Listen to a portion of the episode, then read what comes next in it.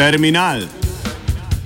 Vedno različni, nikoli isti, reš kolumnisti, isti, isti, isti, isti, isti, isti. Na ameriške predsedniške volitve so vplivali ruski paradržavni hekerji, Donald Trump pa je v ZDA na volitvah zmagal zato, ker so mu pomagali tudi proizvajalci lažnih vesti iz Tetova v bivši Jugoslovanski republiki Makedoniji. Nekako tako se berejo glavni poudarki tako imenovanih vodilnih medijev. Med njimi tudi Washington Posta, verjetno prvega časnika, ki je nedavno zahteval pregon Edwarda Snowdna, njihovega lastnega vira, na podlagi katerega si je ta časnik skupaj s še nekaterimi pridobil Pulicerjevo nagrado. Očitno nezasluženo. Vsa ta mainstream časopisna industrija je, skupaj z najpomembnejšimi ameriškimi obveščevalnimi službami, na zadnjih volitvah ZDA seveda odkrito navijala za na vsej črti propadlo Hillary Clinton. To seveda velja tudi za vodilne slovenske medije, ki so ravnali posebej enako nekritično, kako da bi bila Slovenija neka 51. ameriška država. Zato so vse te obtožbe in zgodbice, v kateri ameriški mediji vpletajo razne dežurne krivce, od Assangea do Snowdna, predvsem smešno iskanje izgovorov zaradi bolečega poraza Clintonove. Trump seveda ni zmagal zaradi Rusov, pač pa zato, ker so nekateri ameriški voljivci, predvsem pripadniki delovskega razreda v tako imenovanih državah Rijastega pasu, ugotovili, da zaradi globalizacije lepo napredujejo vsi, razen njih samih. Namesto da bi pristali na drobtinice napredka, ki jim ga je ponujala Clintonova, so raje glasovali za Trumpa, ki jim je obljubljal večjo spremembo. In to je odločilo volitve. Ne pa teorije zarote, ki bi se jim ta trenutek vsi ameriški novinari smejali, če bi jih izrekel poraženec Donald Trump. Vse to nakladanje o tem, kako zaradi tega preobrata sedaj nenadoma živimo v postfaktičnem svetu in kako medijem grozi neka nova nevarnost, ki se jim moramo upreti z novim preverjanjem dejstev ter hitro cenzuro vseh lažnih vesti, je seveda privlečena za lase. V svetu laži ne živimo komaj od včeraj, v svetu laži živimo že od nekdaj. Ameriški novinar Brock Borrell, ki je napisal knjigo o preverjanju dejstev, je prepričan, da nič ne bo ustavilo razširjanja neresnic. Facebook in Google sta namreč preverjanje lažnih novic že poverila številnim organizacijam, tudi tudi te so bile že veliko krat obtožene, da so pristranske. In najostrejši kritiki ameriških medijev med razširjevalci lažnih novic štejejo tudi New York Times in Washington Post. Ob tem raziskave javnega mnenja kažejo, da je 23 odstotkov vprašanih priznalo, da so razširjali lažne novice, medtem ko jih je 14 odstotkov razširjalo kljub temu, da so vedeli, da so lažne. Zakaj? Preprosto zato, ker novice pač niso samo novice. Včasih so to namerne provokacije in zgodbe o tem, v kar bi ljudje želeli verjeti.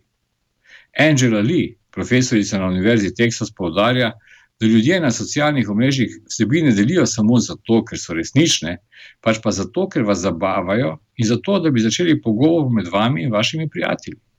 In točno to, da zabavajo, počnejo tudi resni mediji. Predvsem pa resni mediji sploh niso nepristranski, kot se radi kažejo.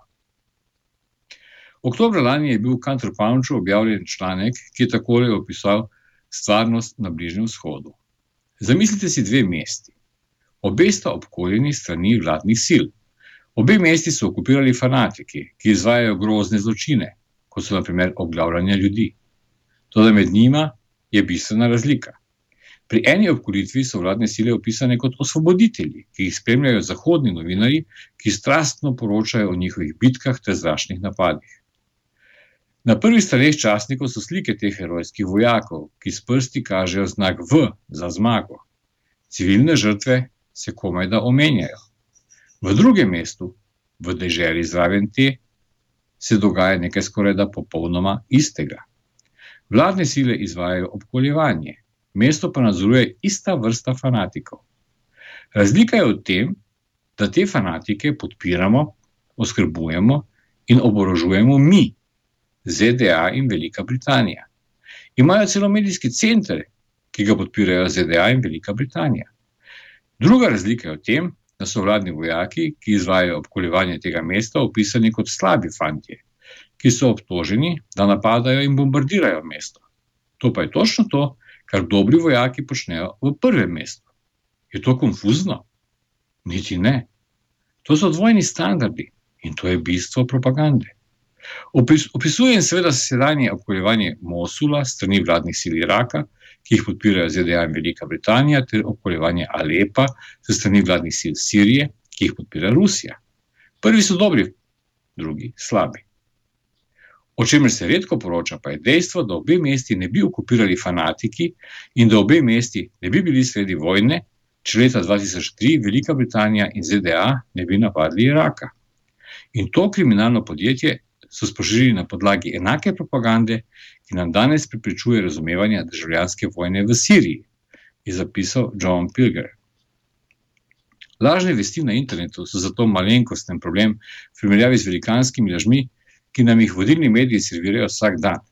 In po posebno enaki matrici je o bližnjem vzhodnem kaosu poročal tudi največji del slovenskih medijev. Ne da bi kdorkoli obtožil sovražnega govora. Dodaten problem so seveda tudi laži politikov. Kajti politiki v demokracijah lažejo še bolj kot tisti v avtokratskih režimih.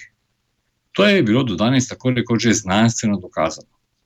Kdo ne verjame, naj si na primer prebere leta 2011 napisano knjigo profesorja Johna Mersheimerja iz Čikaške univerze o tem, zakaj politiki lažejo. O tem, da lažejo, seveda ni dvoma. Toda bolj presenetljivi so nekateri drugi sklepi te zanimive knjige. Mersheimer je, na primer, ugotovil danes posebno sporno dejstvo, da je leta 2003 Saddam Hussein govoril resnico o tem, da nima orožja za množično uničevanje, medtem ko je takratni predsednik George Bush lagal. Bush in njegova administracija pri tem niso izrekli zgolj ene, ampak kar štiri kolosalne laži. Takšno ravnanje obeh se lahko nekaterim bralcem zdi kot presenetljivo in šokantno, vendar je bil takšen sklep napačen. Obe strani sta ravnali v skladu z glavnimi ugotovitvami te knjige. Ugotovil sem, da voditelji ne lažejo pogosto drugim državam, vendar se zdi, da so bolj nagnjeni k laganju lastnim ljudem, je opozoril Mersheimer. Ne samo to, po njegovih izsledkih se najbolj laže prav o zunanjih političnih vprašanjih, še posebej kolosalne laži pa se izrekajo v demokracijah. Nekako v skladu z izrekom turškega voditelja Atatürka, ki je dejal za ljudi, na vkljub ljudem. In tako se ljudje, ki si želijo le miru, z lažmi prepričajo tudi v nujnost vojne. Razlog za to je preprost.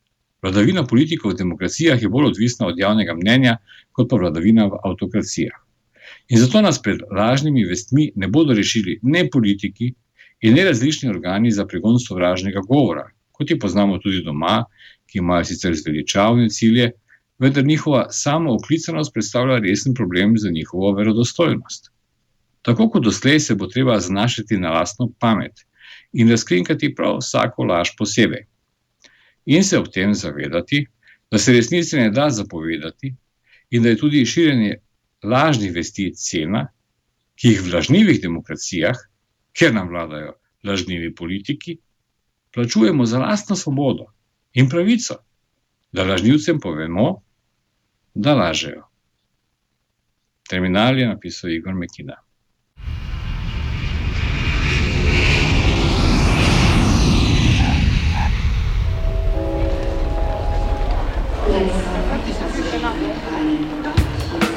Terminal. Vedno različni, nikoli isti, reš kolumnisti, isti, isti, isti, isti, isti, isti. Ladies and gentlemen, Radio Student presents the Central Intelligent Program from Valley of Roses.